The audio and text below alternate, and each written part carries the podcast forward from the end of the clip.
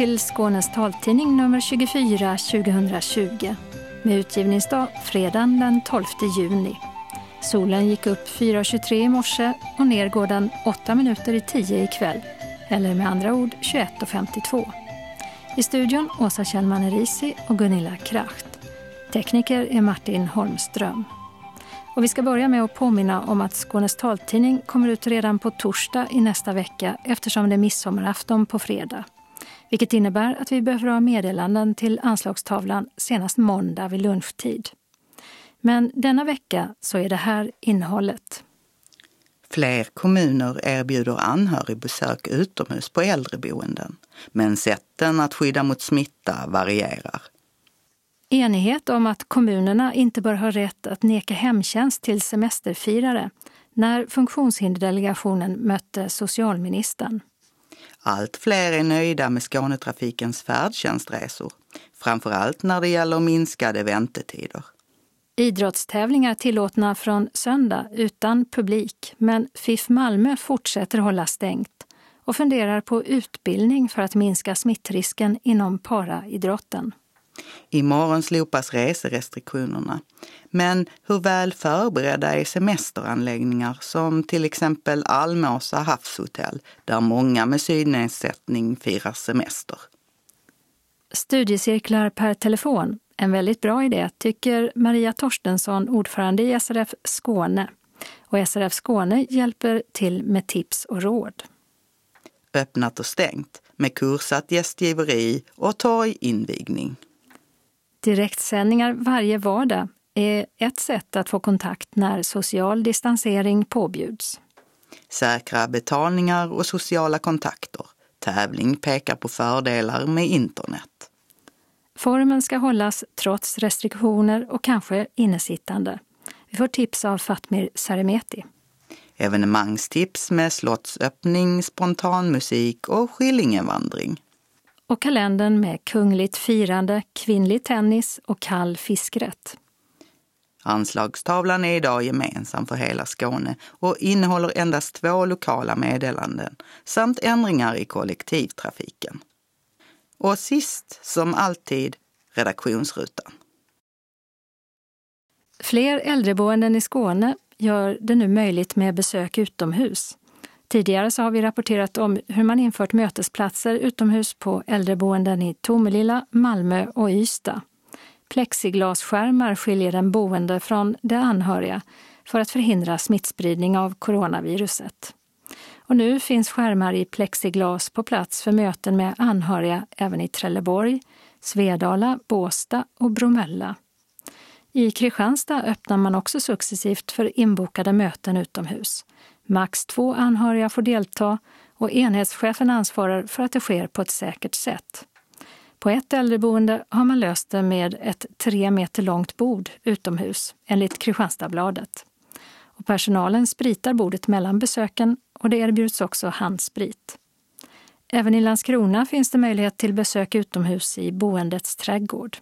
Mötena sker på ett avstånd om minst två meter och förutom att besökarna måste vara helt friska så görs också en individuell prövning inför varje besök. I Hässleholms kommun erbjuds anhöriga att besöka sina närstående på något av kommunens äldreboenden vid födelsedagar. Tillsammans med enhetschefen för boendet planeras besöket som sker utomhus med två meters avstånd och tiden för besöket är 30 minuter. Och även här trycker man på att de anhöriga inte får ha några sjukdomssymptom. Och innan besöket så erbjuds de också handsprit. Det var den 1 april som det nationella besöksförbudet på särskilda boenden infördes. Hur påverkar coronapandemin funktionshinderpolitiken? Detta diskuterades när socialminister Lena Hallengren och infrastrukturminister Thomas Eneroth nyligen via telefon och Skype mötte bland annat Synskadades riksförbund i funktionshinderdelegationen. Regeringen och funktionshinderorganisationerna var överens om att kommunerna inte bör ha rätt att neka hemtjänst till semesterfirare från andra orter och diskuterade ensamåkning i färdtjänsten. Men när vi ringde upp SRFs ordförande Håkan Thomsson så började han med att konstatera att den digitala teknik som för närvarande krävs för viktiga kontakter mellan makthavare och brukarorganisationer inte alltid fungerar. För det första kan man säga att vårt möte genomfördes då via Skype med möjlighet att vara med på telefon och eh, det var mycket dålig ljudkvalitet, svajigt. Ministern föll bort under en period och eh, själv blev jag utkastad och var tvungen att ringa in igen. Så att det var ett eh, digitalt möte av låg kvalitet tekniskt sett kan man säga. Och eh, det påverkar naturligtvis innehållet också. Men dels då så pratar ju Lena Hallengren om coronaläget. Och det som är intressant för synskador i det sammanhanget är väl den här frågan om man kan få hemtjänst i en annan kommun än där man är folkbokförd under sommartider om man har en stuga någonstans eller något sånt där. Och där så sa hon att regeringen tycker att man ska få det. Hon sa att eh, det här har blivit en tråkig diskussion eftersom det finns en riksdagsmajoritet mot. Och eh, hon tyckte det var extra tråkigt eftersom gruppen som är i behov av hemtjänst i annan kommun är ganska liten och att det här borde gå att lösa. Men något mer kunde hon ju inte riktigt säga och eh, det är klart att regeringen har en knepig situation men vi tycker ju från funktionshinderrörelsen att det är självklart att den rörelsefrihet som finns i Sverige ska omfatta även personer med funktionshinder. Och de som har drivit det här om hemtjänsten det är ju eh, kommunerna och eh, samarbetsorganet SKR, Sveriges kommuner och regioner. Är det så att det från lokalt håll drivs frågor som inte är till gagn för synskadade i allmänhet eller gäller det bara hemtjänsten? Just när det gäller det här ehm, så är det väl hemtjänsten som varit mest i fokus. Men man kan ju tänka sig samma diskussion kring ledsagning till exempel. Så det kan ju vara ett problem där. Sen andra halvan av funktionshinderdelegationen så var Thomas Eneroth där, vår infrastrukturminister. Och han eh, pratade ju då om den järnvägssatsning som planeras och som är väldigt långsiktig men ganska omfattande. Och i det sammanhanget så lyfte jag en fråga kring möjligheten att få ledsagning i samband med tågresor därför att den diskuteras nämligen precis just nu i EU där det finns en eh, förhandling på gång mellan kommissionen, som man säger tjänstemännen i Bryssel och eh, EU-parlamentet och ministerrådet där regeringsföreträdare för EU-länderna är med. Så det var väldigt viktigt att göra det här inspelet till Thomas Eneroth. Och det handlar om att eh, parlamentet vill korta förbeställningstiderna för ledsagning i samband med tågresor medan EU-kommissionen tycker att det ska vara 48 timmars förbeställningstid. Så står det redan idag, så de föreslår ingen förbättring, vilket då EU-parlamentet vill ha. I Sverige har vi ju haft eh, en eh, förbeställningstid på 24 timmar och jag då försökte ju peppa Tomas Eneroth att verka för att förbeställningstiderna ska vara så korta som möjligt för att öka möjligheten till flexibelt resande, spontant resande, ombokningar vid behov och så vidare. Kände du att du fick förståelse för synpunkterna? Ja, han tyckte att det lät bra. Jag tror inte att han var insatt i frågan. Men eh, jag hoppas och tror att han kontaktade svenska representationen i Bryssel och informerade sig. En annan fråga som vi lyfte med honom var färdtjänsten där ju vissa regioner och kommuner har sagt att under coronaepidemin eh, så har vi inte samåkning. Alltså att man eh, ska hamna i, bilen tillsammans med någon vildfrämmande person och sitta nära varandra. I Stockholm till exempel så tillämpas inte någon samplanering under rådande omständigheter. Och i andra regioner säger man att nej men vi kan inte ta hänsyn till detta utan vi samplanerar fortsatt. Och det är många som upplevt det som, som en ökad smittrisk att eh, sitta i, i en trång taxibil tillsammans. Det var en fråga som lyftes och sen också eh, frågan kring hur eh, taxinäringen påverkas och därmed också färdtjänsten kan komma att påverkas med minskat taxiåkande och branschen är i kris och så vidare. Och de här frågorna sa Thomas Eneroth att när det gäller samplaneringen är en fråga för de kommuner och regioner som anordnar färdtjänsten. Men han förutsätter att Folkhälsomyndighetens rekommendationer följs. Och eh, när det gällde taxibranschens framtid så sa han att eh, taxibranschen omfattas ju också av de ekonomiska stöd som regeringen har i form av nedskurna sociala avgifter, eh, möjlighet till korttidspermittering och så. Så att det var det han svarade kring färdtjänsten. Tycker du att ni under rådande omständigheter när det är en krissituation ändå får gehör för era synpunkter? Eller är det så att det blir inspel till regeringen men man får inte så många svar? Det är svårt att få konkreta svar och eh, det kan ju bero på att man är väldigt upptagen av eh, ovanliga frågor med anledning av coronapandemin. Det är dock så att eh, jag tycker vi kan ju inte låta bli att eh, jobba intressepolitiskt bara för att vi har en sån här situation utan vi måste försöka lyfta upp våra frågor. Ser du någon fara för att det görs temporära inskränkningar i rättigheter eh, eller stödåtgärder för personer med funktionsnedsättning som skulle kunna komma att permanentas efter att coronakrisen är över? Ja, det är jag orolig för. Det har diskuterats liksom hemtjänst och ledsagning och, och sådana frågor. Vad som är rimligt och inte rimligt. Och, och det där är ingen trevlig diskussion utan på något sätt det som har känts som tydliga rättigheter det börjar ju ifrågasättas nu av olika skäl. Och det är risk att det hänger i även efter pandemin. Så att jag tror att vårt intressepolitiska arbete inom Synskadades riksförbund och resten av funktionshinderrörelsen kommer att vara mycket viktigt att det pågår. Och eh, vi kommer kanske att behöva tagga upp det ytterligare efter pandemin. Det sa SRFs ordförande Håkan Thomsson. Reporter var Dudu Parkas. De som åker färdtjänst och sjukresor med Skånetrafiken är mer nöjda nu än för två år sedan. Det visar siffror som tagits fram av marknadsundersökningsföretaget Ipsos. Det är framförallt väntetiderna i telefon som resenärerna blivit nöjdare med, där 88 procent av kunderna anser att de får svar inom rimlig tid. Ett annat resultat är att tryggheten för kunderna och bemötandet blivit markant bättre. En avgörande faktor är med största sannolikhet att Serviceresors beställningscentral togs över av Skånetrafiken 2018, säger Titti Unosdotter som är affärsområdeschef för serviceresor i ett pressmeddelande. Och fortsätter. Vi kan därmed påverka servicen på ett helt annat sätt när vi själva styr över hela beställningen, från samtal till resa.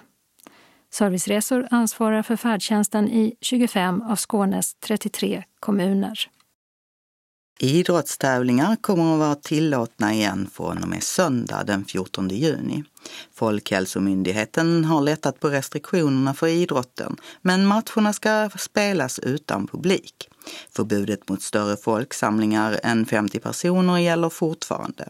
Och i första hand ska alla aktiviteter ske utomhus. Men Parasportklubben FIF Malmö fortsätter ändå att hålla stängt, säger sportchefen Thomas Jönsson. Alltså vi följer ju myndigheternas eh, rekommendationer och, eh, men det vi måste ha i åtanke är att både RFs och Folkhälsomyndighetens rekommendationer är ju inte alltid specifikt riktade till eh, målgruppen personer med funktionsnedsättning. Och vi har ju många i, eh, bland våra medlemmar som tillhör riskgrupper. Vi har eh, personer som kanske inte riktigt hanterar det här med hygien och, och hur man ska hosta, nysa. Att man inte riktigt har förutsättningarna för att klara det och därför så väljer vi att fortsätta pausa vår verksamhet. Vet ni hur det ser ut? Hur länge kommer ni att pausa? Har ni någon idé om detta? Vår plan just nu är att starta upp som vanligt i eh, augusti månad. Men vi är väl förberedda och har många olika planer för att kunna hantera olika scenarier. Så det kan bli så att vissa idrotter startar tidigare än andra och att det finns olika skadegrupper vi måste hantera på olika sätt. Men målsättningen är att eh, köra igång i augusti och då hoppas vi kunna komma igång med all verksamhet. Både utomhus och inomhusidrotter? Korrekt, helt rätt. Till exempel goalball spelar man väl bara inomhus?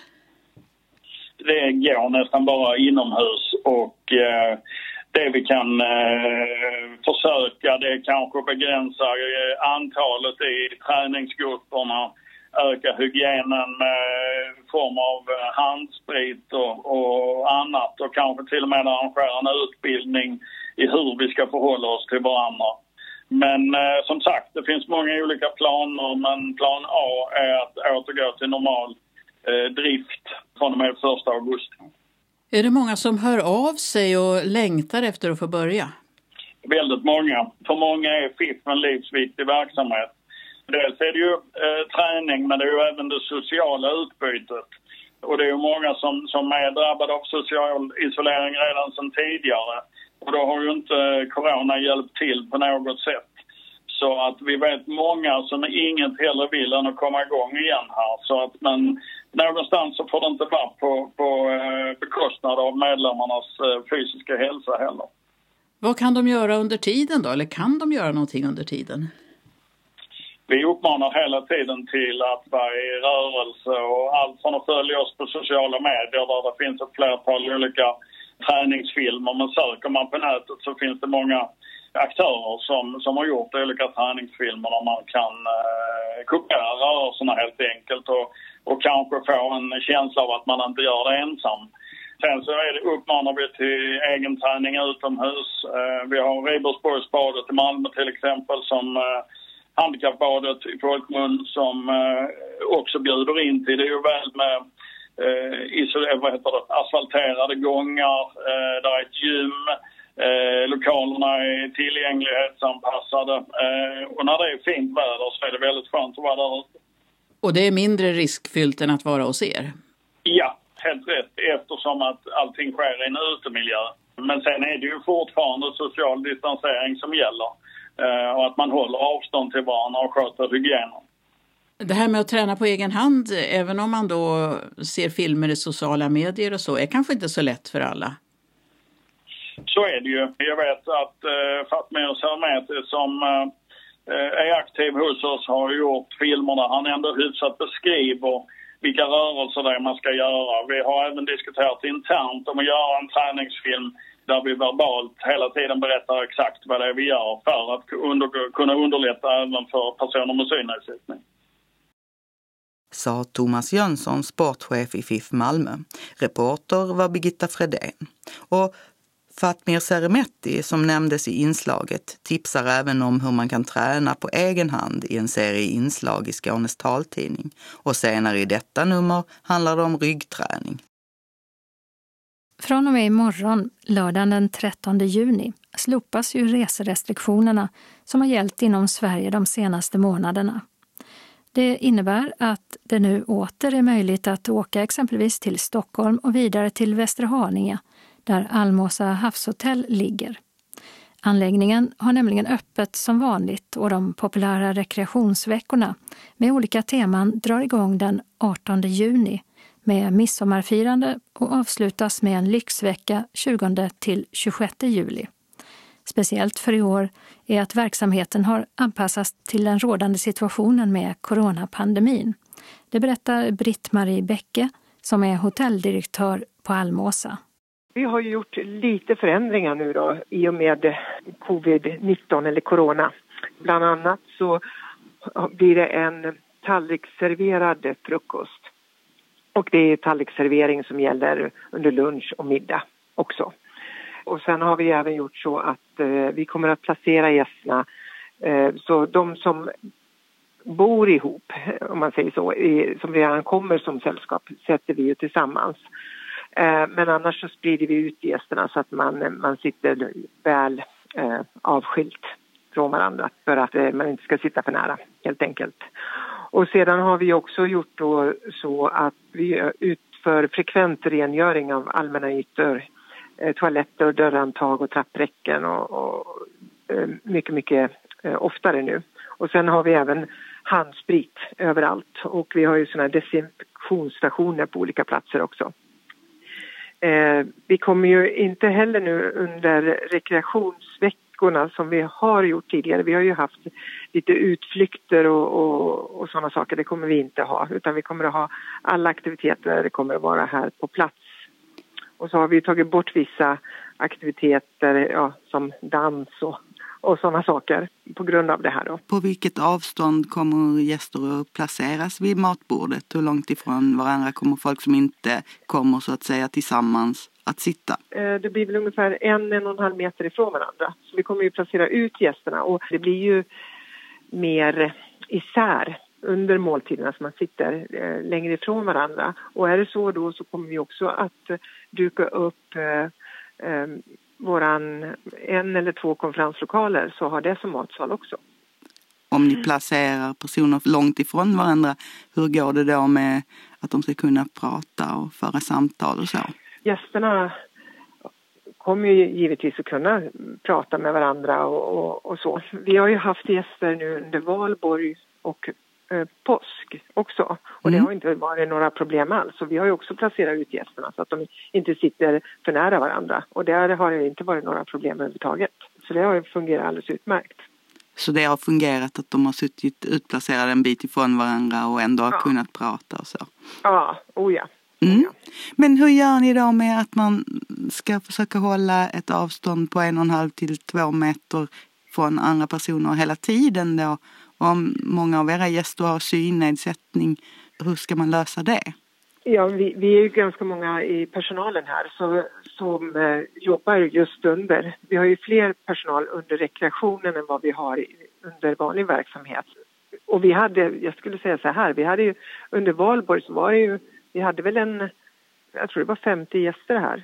Och där var inga problem alls. Och många har ju eh, ledarhundar eller, eller käpp så jag kan inte garantera till 100 procent att man inte går in i varandra. Det, det, kan jag inte göra. Men vi har inte sett det problemet här under valborg till exempel. De gäster som kommer hit måste också vara symptomfria för att komma hit. Har det varit någon, vet du det, som har blivit smittad eller har blivit sjuk efter de här veckorna ni har haft nu i valborg och, och påsk? Nej, vi, vi har inte hört någonting i alla fall. Det har vi inte. Kommer ni ha mer personal än vanligt som kan fungera som ledsagare till gästerna och så? Det är ju, först och främst är ju all eh, vår ordinarie personal. Och det är vår ordinarie personal som kommer att fungera mer som eh, ledsagning. Men, men många av de gästerna som kommer i sommar är många som har varit här och, och eh, hittar. Och många säger ju det att Almåsa är som en oas. Man kan gå ner och bada själv, man klarar sig själv. Vi har ju våra ledfyrar och vi har, ja, som man hittar, hittar runt och så. Men givetvis så är det några som aldrig har varit här så då hjälper vi till och ledsagar. Det gör vi ju.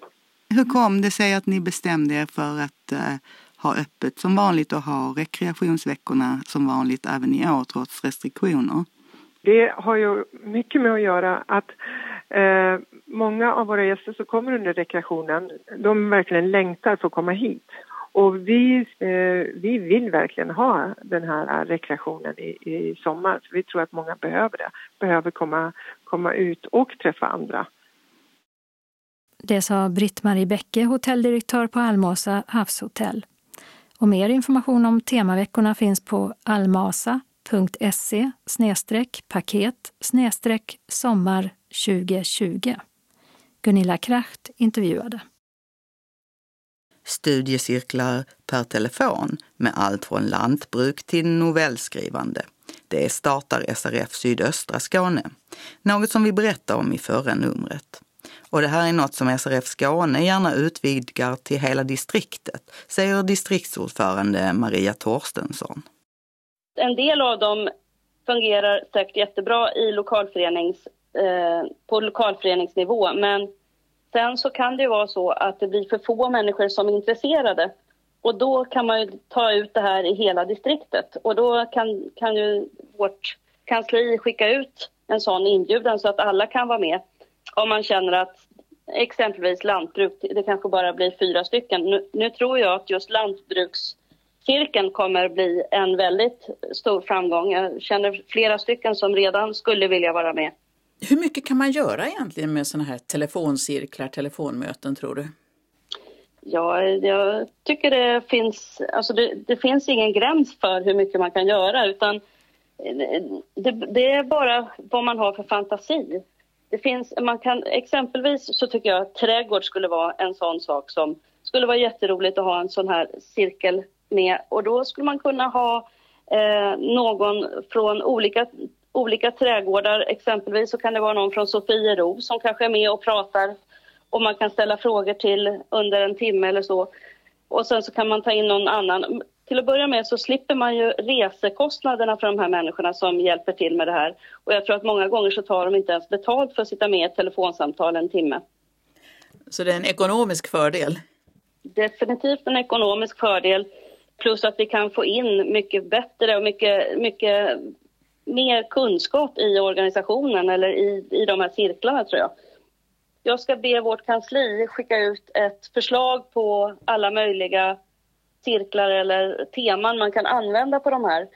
Eh, jag vet ju de som har eh, andra distrikt där man har haft resor, haft en reseledare med som har berättat om olika resemål. Ja, som sagt, det finns få gränser. Och jag tänker att vi ska komma, ut, komma med lite förslag till lokalföreningar vad de kan ha för några teman och, och fall det är någon som behöver hjälp med att starta upp och så. Så kommer vi göra det. Vi har ju köpt till den tjänsten eh, till alla lokalföreningar. Så alla lokalföreningar har ju idag ett telefonnummer med en egen kod så att de kan ha såna här telefonkonferenser, telefonmöten precis överallt. Man kan ha sitt styrelsemöte på det viset om man inte vill träffas eller kan träffas. En arbetsgrupp eller, eller som ett sånt här möte till exempel. Du tycker att man kan fortsätta med sådana här cirklar även efter coronapandemin? Ja, det tror jag. Jag tror att många som tycker att det är svårt att resa och åka långt och så, så, så kan man vara med per telefon och sitta och lyssna och prata. Eh, man kan ju prata med, man känner ju folk som man har träffat förr och så vidare. De kan man ju prata med då över telefon på det viset i det här mötet. Det är verkligen inte komplicerat. Men det man säger är ju att eh, nu under coronapandemin med alla restriktioner så får man inte träffas fysiskt. Eh, vill man inte träffas fysiskt efteråt tror du? Jo, det tror jag säkert. Och, men, men samtidigt, jag tycker man, självklart ska man träffas fysiskt, de som vill. Men de som inte vill eller kan, så kan ju det här vara ett alternativ. Allt mer har flyttats från den fysiska till den digitala världen under coronapandemin. Många tvingas nu försöka använda telefon och dator i större utsträckning än vad man gjort tidigare. Och även där kan telefoncirklar vara till stor hjälp, tror Maria Torstensson. Det är också en sån sak som eh, jag tror att man kan ha eh, den här typen av cirklar exempelvis i iPhone eller man kanske vill ha det med hur man går in och ut, hur man använder de här eh, programmen på datorn för att vara med i möten. Ehm, det finns som sagt bara fantasin som sätter stopp. Är det så att man har någon som är väldigt kunnig eller väldigt intresserad av någonting i sin förening och man vet det, så kan den exempelvis hålla en sån eh, i en sån kurs. Det, det, är inte komplicerat utan det är bara att man sitter och samtalar om någonting. Ett gemensamt intresse. Det här att man nu har blivit så att säga tvingad att bli mera digital, är det bra, bra eller finns det några faror med det? Jag kan väl säga att för min del så har det bara varit bra. För jag har blivit tvungen att lära mig de här sakerna som jag har skjutit på framtiden förut. Så att nu, nu så kan jag det jag behöver på, på ett annat sätt. För att jag har blivit, som sagt var blivit tvungen. Uh, och för mig som var det bra. Men sen har det säkert varit väldigt jobbigt för många andra som inte har kanske fått den hjälpen de har behövt uh, för att lära sig. Det kanske behövs mera utbildning överhuvudtaget? Ja, det, det är verkligen ett skriande behov. I och med att telefoner och datorer och så vidare, allting uppdateras hela tiden och vid varje uppdatering så, så sker nya saker i programmen. Och det är, det så att man inte känner att man vågar, då, då kan det bli svårt. Då kan man bli ännu mer isolerad? Ja, det kan man absolut bli. Precis innan vi talades vid hade Maria Torstensson själv deltagit i ett digitalt möte och fått lära sig nya saker. Vi ska ha ett möte med styrelsen för European Blind Union, EBU, som är vår eh, Eh, organisation, synskadeorganisation ute i Europa.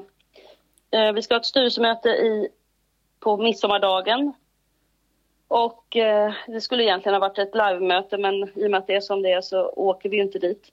Och då så skulle vi öva och gå in på Zoom som vi skulle använda. Och alla fick öva och räcka upp hand kan man göra med ett kommando. Man kan, man kan se till att ens mikrofon är tyst och, och så vidare. Eh, så att det, det, gjorde vi och övade med olika saker, olika kommandon allihopa i en timme för att sen veta att nästa lördag, eller nästa, jo, nästa lördag när vi ska ha det här mötet så kommer alla fixa det. Midsommardagen, det märks att det inte är någon svensk som sammankallar. Ja, klockan nio på morgonen. Du protesterade inte? Nej, jag inser att det är ingen idé. det är bara att gilla läget. Sa Maria Torstensson, ordförande för SRF Skåne och ledamot i styrelsen för EBU, European Blind Union. Reporter var Birgitta Fredén. Öppnat och stängt. I Lund har den första etappen av Clemenstorget invigts efter omfattande ombyggnad under två års tid. Torget är cirka 7000 kvadratmeter stort och träden som är plataner har fått sällskap av ett konstverk i form av ett trädgaller som kommer att vara upplyst både uppifrån och nerifrån nattetid. Här finns också hållplatsen för spårvagnarna som ska utgå härifrån.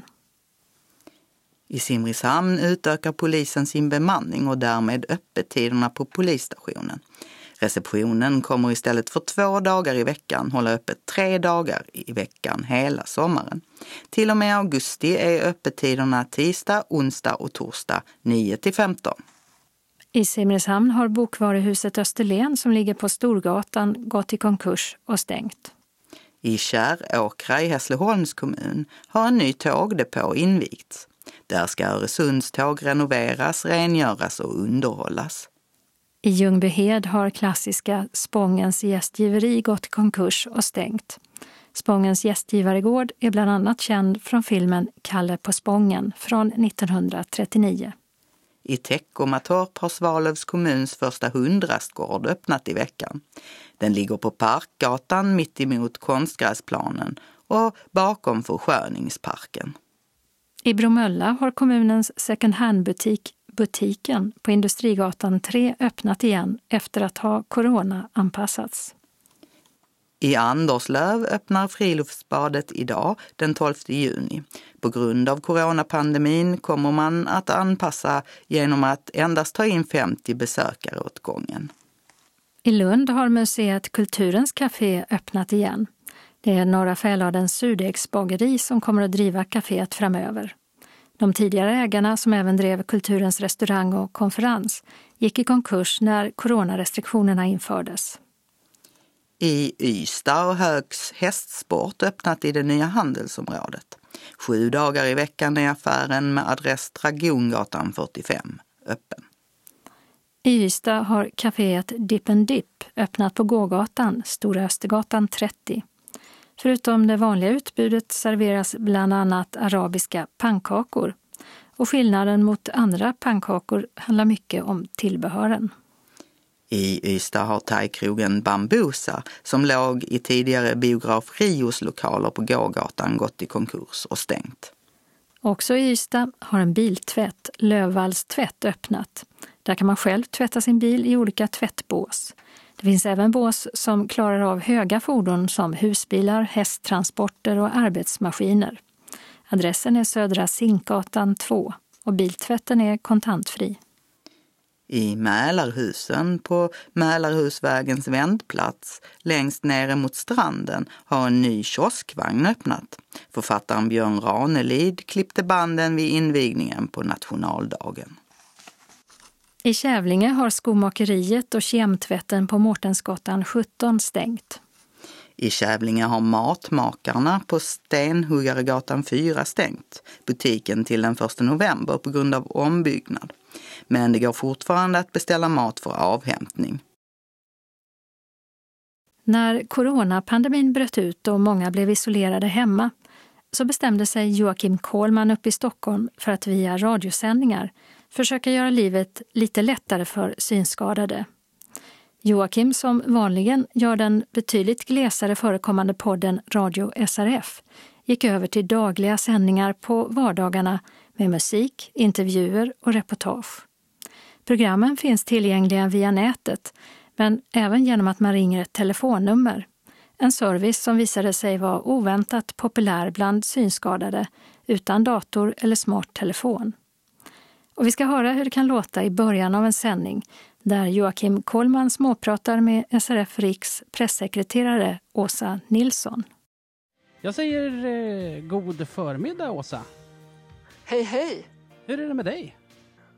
Det är ganska så bra. Jag har inte varit ute någonting idag så att jag har inte riktigt koll på men det ser väldigt fint ut med, med äppelträden här. Nu börjar blommorna faktiskt att ramla ner i backen, äppelblommen. Okej, så det är det som du ser från ditt... Hur gick sändningen idag på morgonen? Idag så gick det alldeles utmärkt. Eh, jag har ju min kollega Åsa på distans. Vi pratar väder och vind och Dansbandsveckan pratade vi om idag också till exempel.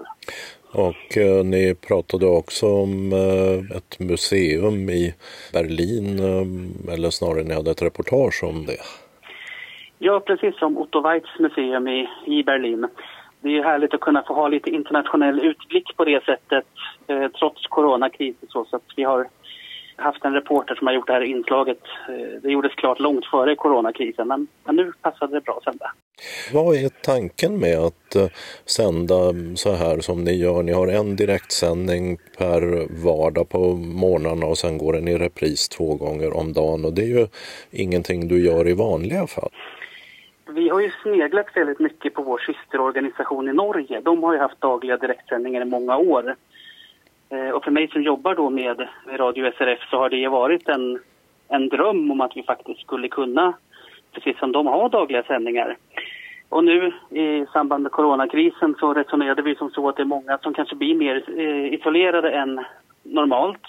Och eh, att man då som, framförallt med synnedsättning så kanske man drabbas hårdare av det här. Och då var det här ett sätt att kunna visa att, att SRF finns och bryr sig om medlemmarna och att vi finns där en timme om dagen med lite olika innehåll, både allvar i form av aktuell covid-19 information och lite mer lättsamt med musik och reportage och sådär.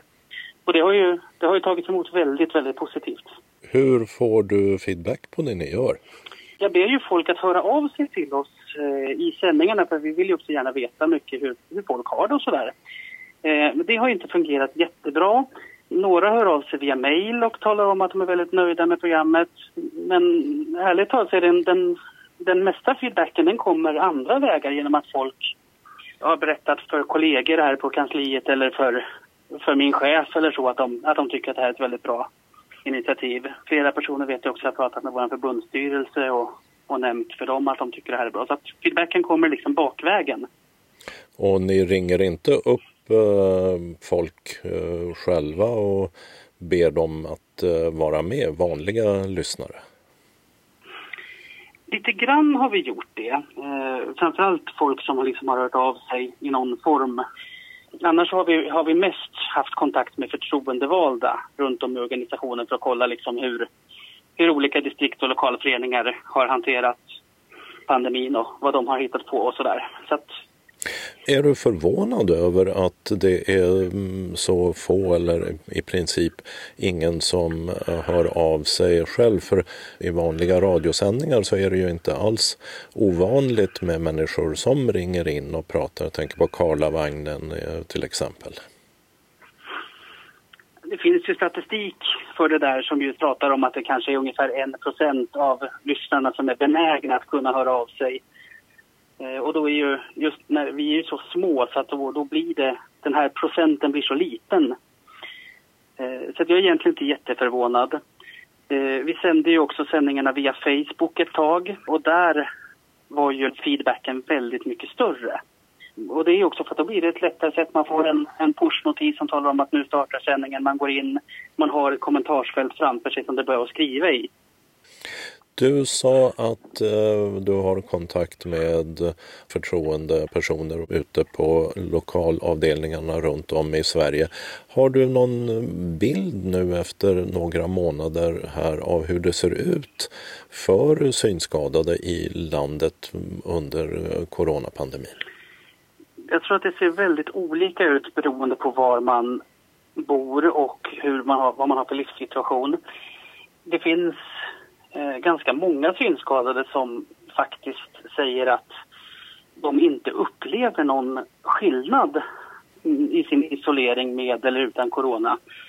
Och det är ju väldigt tragiskt att det är så, för det betyder ju också att de eh, även normalt sett lever i ett utanförskap som, som ju inte är bra och nyttigt. Eh, men sen så finns det också de som naturligtvis har, har fått en väldigt förändrad tillvaro just nu. Känner du att ni kan vara till eh, nytta då genom era sändningar i eh, den här tillvaron? Ja, det tycker jag. Eh, och det har till och med funnits de som har sagt att det här är något av det bästa som SLF har gjort på många år och det är ju naturligtvis jätteroligt att höra. Sen är min personliga förhoppning är ju att det här ska leda till att vi faktiskt kan fortsätta med direktsändningar även när coronapandemin är över. För jag tror att det här är ett väldigt bra sätt att nå våra medlemmar och att eh, kunna interagera med våra medlemmar. Radio och taltidningar och så är ju liksom ett medium som verkligen passar för vår målgrupp. Det finns många olika sätt att lyssna på er. Det är via nätet som eh, podd och så kan man ringa upp på ett eh, telefonnummer och lyssna på det i telefonen om man inte är datoranvändare. Har du någon bild av hur populära de olika varianterna är? De eh, är ganska jämnpopulära.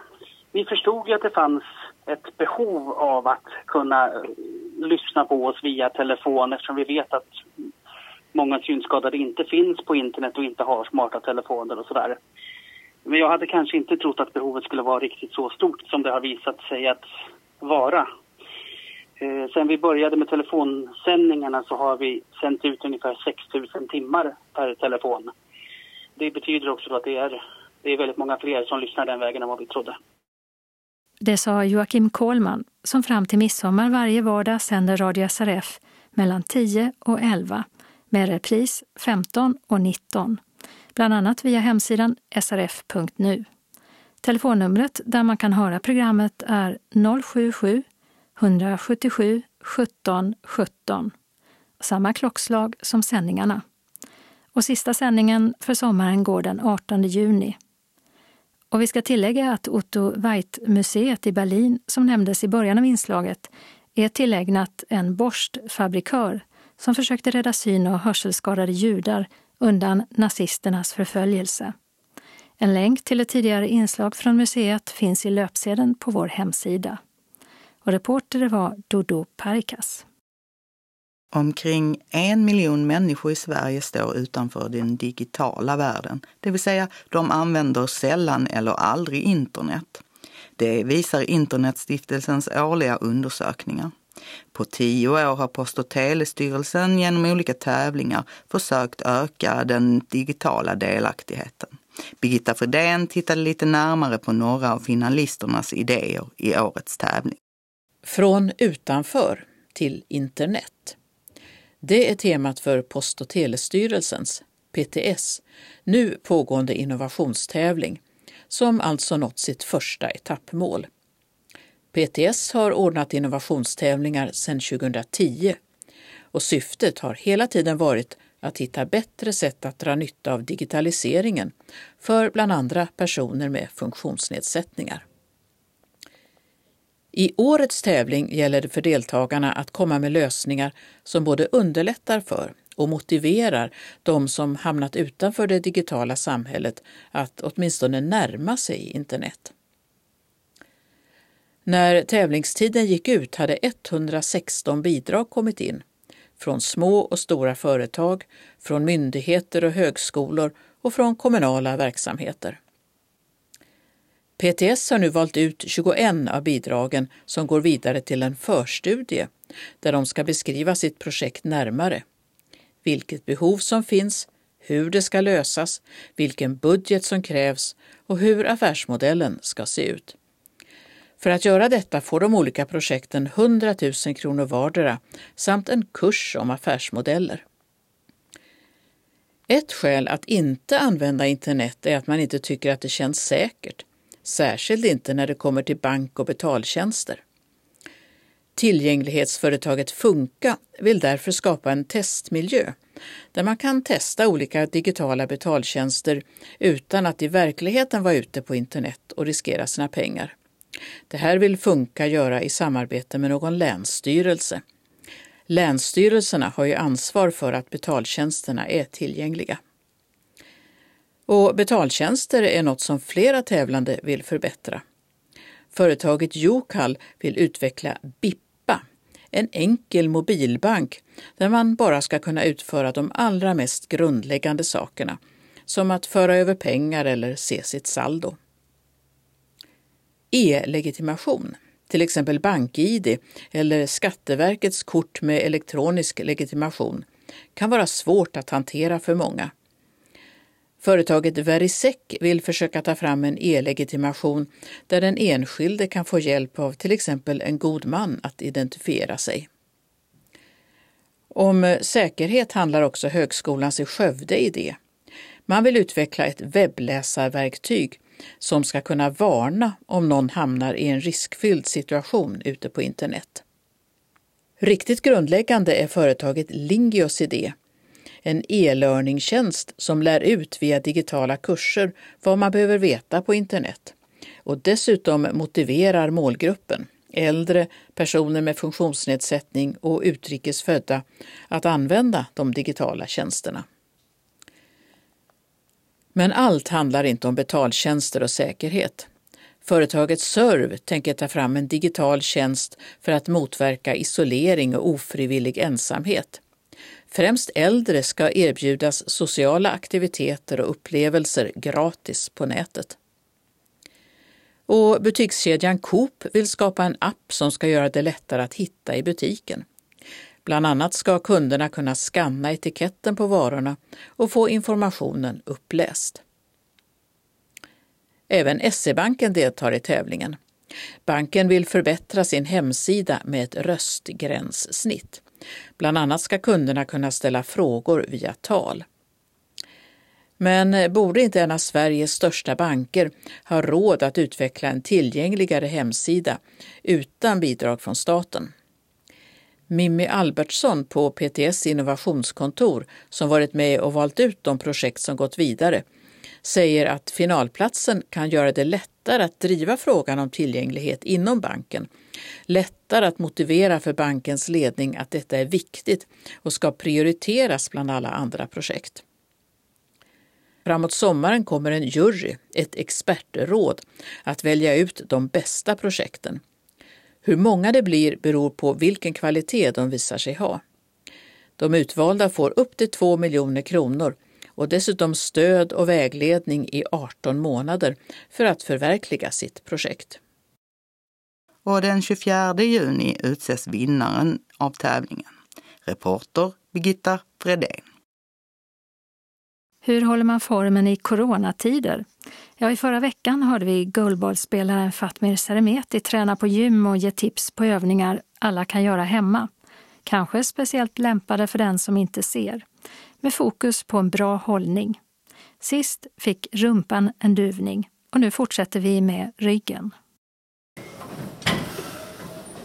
Nej, det finns ju många bra övningar. Eh, ryggen till exempel, ländryggen är också ett sånt problemområde som man kan ha ganska mycket när man behöver titta närmare på saker och ting och så här, böjer på nacke och rygg ganska mycket. Och då är ländryggen eh, ganska problematiskt. Framförallt känner man det när man står upp en längre stund. Om man inte är riktigt van vid det så får man jätteont i ländryggen.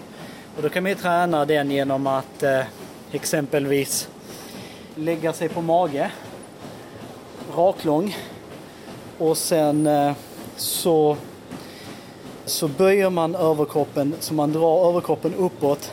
Händerna är vid örat ungefär en bit upp i luften. Så man hjälper inte till med händerna utan man bara lyfter ryggen, kallas för rygglyft. Man bara lyfter överkroppen en liten bit över, över marken och underkroppen ligger då kvar på golvet.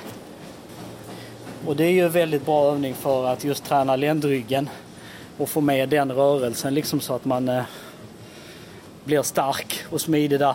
Där kan man inte köra kanske 15 som nybörjare utan börja med 5, 6, 7 stycken i början gånger 3 och så öka upp det allt eftersom. Och det kan man göra oavsett hur man ser ut, oavsett hur tränad man är eller otränad utan man får börja på sin nivå och så utgå ifrån det. Eh, för att stärka upp eh, ländryggen lite mer. Sen kan man göra lite motsvarande faktiskt fast för eh, bröstryggen. Fast då, då har man i händerna på golvet. Och sen trycker man till lite grann så man, man lyfter inte upp som i en armhävning. Utan man bara trycker till lite, lite grann så att eh, skulderbladen går ihop lite, lite, lite grann bara. Och så trycker man till lite grann och så lyfter lite, lite från golvet och så tillbaka igen. Och så kör man fem sex stycken där också. Eh, det kan också vara väldigt bra. Man kan också göra den med bröstryggen till exempel om man har, tar en stol som man kan få in överkroppen under stolen och så håller man på varsin sida av sitsen underifrån och så lyfter man upp eh, bröstet då. Nu ligger man på rygg så lyfter man upp bröstet då lite, lite grann mot undersidan av sitsen. Och då får man också den här träningen med bröstryggen som är också väldigt bra just när man ser dåligt och behöver liksom böja sig ner kanske lite grann för att se saker och ting. Nästa övning som jag tänkte på är ju vanliga armhävningar. Och här kan man ju också då anpassa väldigt mycket utifrån sin egen nivå. Man kan ju köra helt vanliga armhävningar där man har händerna axelbrett ut och så står man på tå. Men det här är jätteviktigt att se till att man eh, håller ryggen rak, bålen stark och stabil så att man inte svankar för mycket i ryggen. Gör man det så är man lite för svag i bålen. Då ska man börja med att göra armhävningar på knä. Och sätta i då knäna och så sätta ut armarna och så kör armhävningar därifrån. Ju längre bak man sätter knäna ju svårare blir det tills man liksom kommer bort till tårna och kör armhävningar där, då är det som svårast. Och om man tycker att det är för lätt så kan man ju köra med jättebred stance, som det heter. Händerna på golvet så kör man så brett som möjligt. Eller om man vill göra det ännu, ännu svårare, då sätter man ihop händerna så att eh, pekfingrarna går ihop och tummarna går ihop bakom. Så det blir lite som en, eh, vad ska man kalla det, en triangel. Mm. Eh, och då, eh, då, då, blir det jättesvårt och då får man lite mer triceps på det. Eh, men det är egentligen, eh, armövning är egentligen en bröstövning så det är mest där det ska kännas. Så axelbrett är ju att rekommendera. Eh, här kan man också köra kanske 3 gånger 10 till att börja med. Eller så många man orkar och sen försöka öka upp det allt eftersom. Det sa Fatmir Saremeti som nästa vecka ger fler tips på övningar man kan göra där hemma. Och självklart kan de här övningarna kombineras med de vi hörde om i förra numret och i nästa.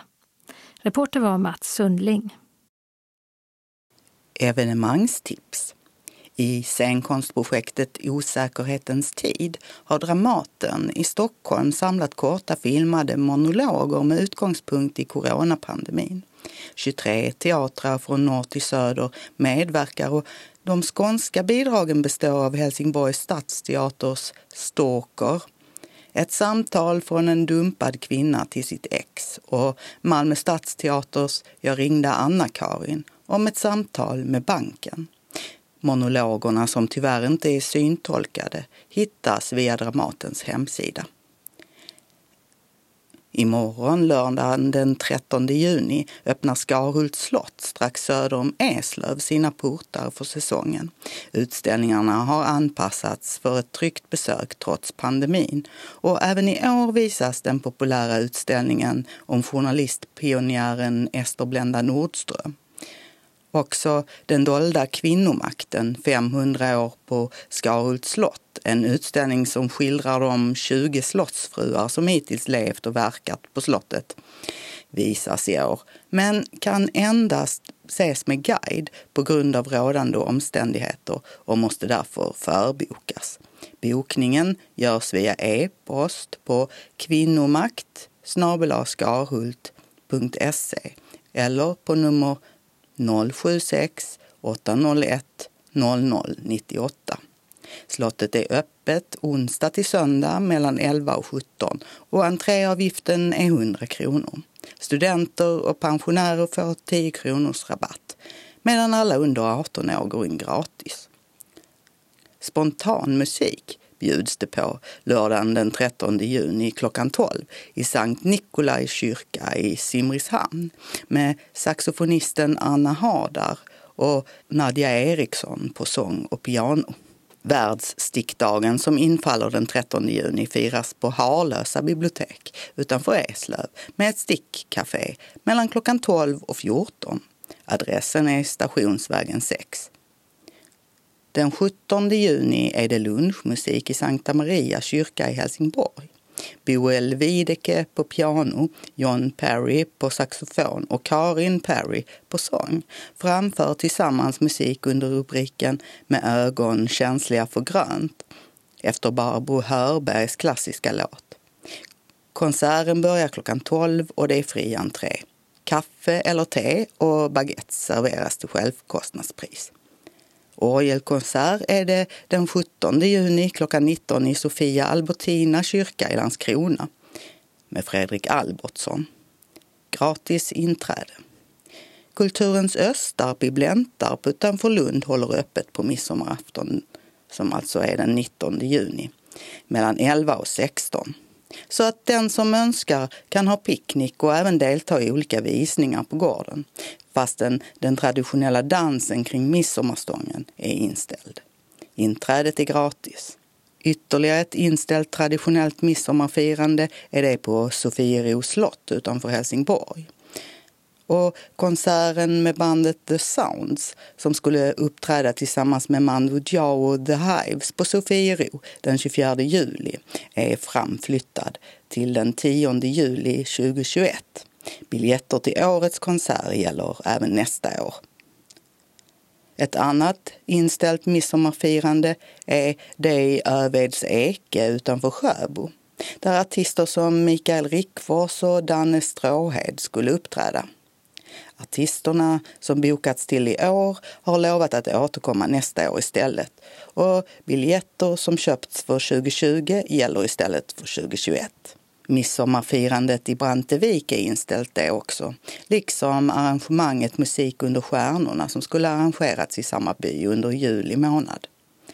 Och för första gången på drygt 50 år ställs midsommarfirandet på Dag Hammarskjölds Backåkra in. Det blir inte heller något firande på Midsommarängen i Ystad. Den historiska parken är titeln på rundtur som arrangeras i parken på Hovdala slott utanför Hässleholm.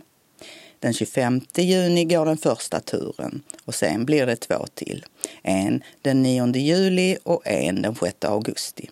Samtliga börjar klockan 12 och varar en timme. Biljetter kostar 120 kronor och säljs i Slottsbutiken på telefon 0451 26 68 00. Skillinge teater har ställt in sommarens planerade teaterföreställningar och istället skapat vad man kallar smittskyddade konstverk. Det är dels ljudvandringen 30 000 dagar, Livet en vandring, som teatern skapat tillsammans med den brittiske ljuddesignern Tim Bishop. En vandring som tar cirka en timme i lugnt tempo genom Skillinge, där frågor om livet och förgängligheten sätts i centrum. Varje besökare lånar en ljudspelare och hörlurar och följer sedan en karta genom fiskeläget. Föreställningen har premiär på midsommardagen, den 20 juni alltså, och ges därefter tisdag till söndag fram till den 9 augusti. Med avgångar var 20 minut från klockan 16 till 18. Och det kostar 200 kronor per person. Och sen har man också skapat en familjeföreställning, Det glömdas trädgård, som utspelar sig i en platsbyggd labyrint och pågår i en timme. Den ges klockan 13 och klockan 15 följande datum. 11, 12, 17, 18, 24, 25, 26 och 31 juli samt 1 och 2 augusti.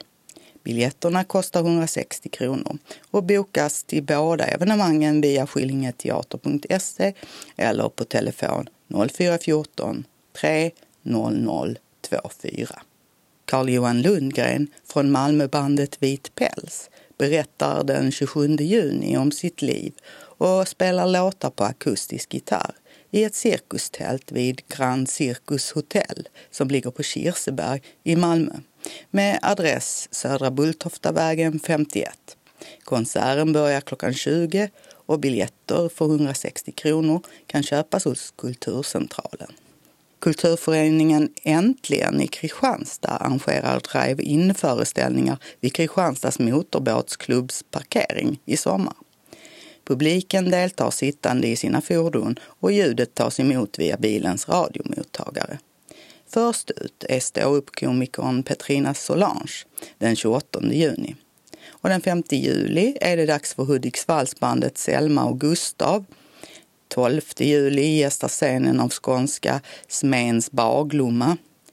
26 juli kommer Lundamusikern Christian Kjellvander och sist ut är singer-songwritern Bror Gunnar Jansson som framför något som kan beskrivas som true crime i musikform den 2 augusti. Föreställningarna börjar klockan 20 och det är insläpp från klockan 19. Entréavgiften kostar 50 kronor per bil och sedan 150 kronor per person i bilen. Förköp kan göras via Tixter och Coop City Kristianstad. En musikbåt med en orkester i sjömansmössor ska turnera runt i Trelleborgstrakten i sommar. Det börjar 4 juli i Smyge och sedan besöks Gislövs och Skåre hamnar 11 juli mellan 13 och 17 båda datumen. 13 juli besöker båten Trelleborgs centrum mellan 16 och 19. Och ja, den seglar alltså inte på havet utan körs runt på land i en trailer.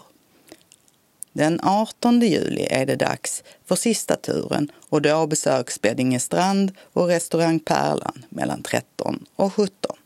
Smedstorps marknad som planerats till 6 juli är inställd, liksom Gislövs marknad som skulle ägt rum i månadsskiftet juli-augusti. Marknaden i fiskeläget strax utanför Trelleborg skulle ha firat sitt 40-årsjubileum i år. På Trelleborgs museum kan man ta del av multikonstverket The Garden av Jan Kardell fram till den 6 september. Det är ett tredimensionellt verk där besökaren träder in bland blad och blomliknande konstruktioner som samtidigt är instrument. Genom att röra sig i verket skapar besökaren ljud och blir på så sätt medskapande. Museet är öppet tisdag till söndag 12 till 16 och ligger på Stortorget 1. Inträdet kostar 40 kronor. Biljettinformation Kulturcentralen 040 10 30 20. Tixter 0771 47 70 70. Coop City Kristianstad 010 747 2272. Kalendern Årets 25 vecka börjar måndagen den 15 juni då det är 80 år sedan den sovjetiska annekteringen av Baltikum under andra världskriget inleddes med att trupperna gick in i Litauen för att nästföljande två dagar invadera även Estland och Lettland. Och så är det fem år sedan prins Nicholas, son till prinsessan Madeleine och Christopher O'Neill föddes. Namnsdag har Margit och Margot. Tisdagen den 15 juni är Axelinas och Axels namnsdag. Och det är fem år sedan Donald Trump meddelade att han året därpå tänkte kandidera för Republikanerna i presidentvalet i USA. Onsdagen den 17 juni firar Torborg och Torvald namnsdag och den amerikanska tennisstjärnan Venus Williams fyller 40. Hon räknas som en av de största spelarna genom tiderna och har varit rankad etta både i singel, där hon vunnit över 40 WTA-titlar, alltså de högsta möjliga inom tennis för kvinnor, och i dubbel, där hon vunnit fler än 20 sådana, då tillsammans med sin ett år yngre syster Serena. Torsdagen den 18 juni har Björn och Bjarne namnsdag. Och den som gillar den japanska rätten av rundkornigt ris som dressas med vinäger och socker och sedan kombineras med exempelvis fisk eller skaldjur kan passa på att fira eftersom det är internationella sushidagen. Det är även pionens dag, instiftad av Svenska pionsällskapet för att hedra den väldoftande fluffiga blomman som finns i vitt, gult, rött och många olika nyanser av rosa. Fredagen den 19 juni infaller årets midsommarafton och kronprinsessan Victoria och prins Daniel firar tioårig bröllopsdag. Deras vigsel i Storkyrkan i Stockholm, förrättad av ärkebiskop Anders Weiryd, var den första någonsin med en svensk kronprinsessa. Inom buddhismen firas parinirvana, till minne av dagen då Buddha vid 80 års ålder dog och uppgick i nirvana. Det är en dag då buddister mediterar över döden och minns och hedrar släktingar som inte längre lever på jorden. En som levt i hela 90 år denna dag är den amerikanska skådespelaren Gina Rowlands. Hon har medverkat i en stor mängd filmer och är kanske mest känd för huvudrollen i En kvinna under påverkan från 1974 i regi av John Cassavetes som hon var gift med och har sonen Nick Cassavetes tillsammans med. Filmregissör också han. Lördagen den 20 juni är det midsommardagen och då har Linda namnsdag. Sommarsolståndet infaller denna dag, liksom FNs internationella dag för flyktingar. Anneli Magnusson, mer känd under artistnamnet Pandora, fyller 50. Hon hade sin storhetstid på 1990-talet och en lång rad hits med poplåtar som Trust Me, Tell the World och One of a Kind. Pandora är en del av det som brukar kallas för det svenska musikundret och blev känd i stora delar av världen, inte minst i Japan och Australien. Efter att ha tjänat miljoner råkade hon ut för personliga tragedier och drogs bland annat in i en skatteskandal orsakad av hennes dåvarande man, som också var hennes manager. Numera är Pandora rentvådd från alla misstankar och fortfarande verksam som artist, framförallt i Finland. Dessutom har hon inlett en sidokarriär där hon åker runt och föreläser på temat Vem kan man lita på? Med utgångspunkt i de personliga erfarenheterna. Och alla som gillar italiensk fotboll kan glädjas åt att matcherna i den högsta ligan där, Serie A, börjar spelas igen efter coronauppehållet, som inleddes den 9 mars. Det återstår 12 spelomgångar denna säsong och det späckade schemat med matcher nästan varje dag inleds med mötet mellan Torino och Parma. Söndagen den 21 juni avslutar veckan och det är Alvs och Alvars namnsdag. Jan Scherman firar sin 70-årsdag. Han började karriären som journalist och har bland annat varit programledare för Kalla fakta i TV4.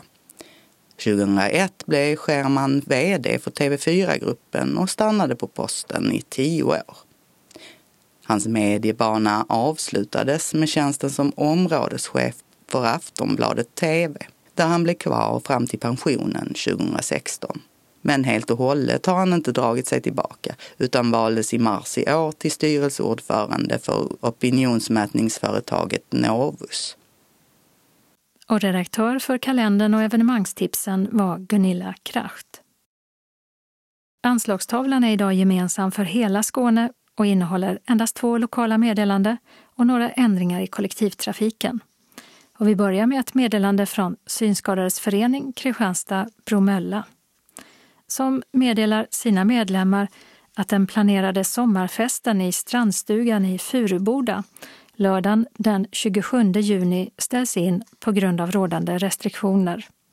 Även studiecirkeln om Göta kanal med efterföljande resa på densamma som vi skulle genomfört i augusti-september är inställd. Vi kommer att flytta fram den till nästa år eftersom många visat intresse. Vi hoppas att våra träffar kan komma igång igen till hösten och tills dess önskar vi er alla en riktigt trevlig sommar, hälsar styrelsen.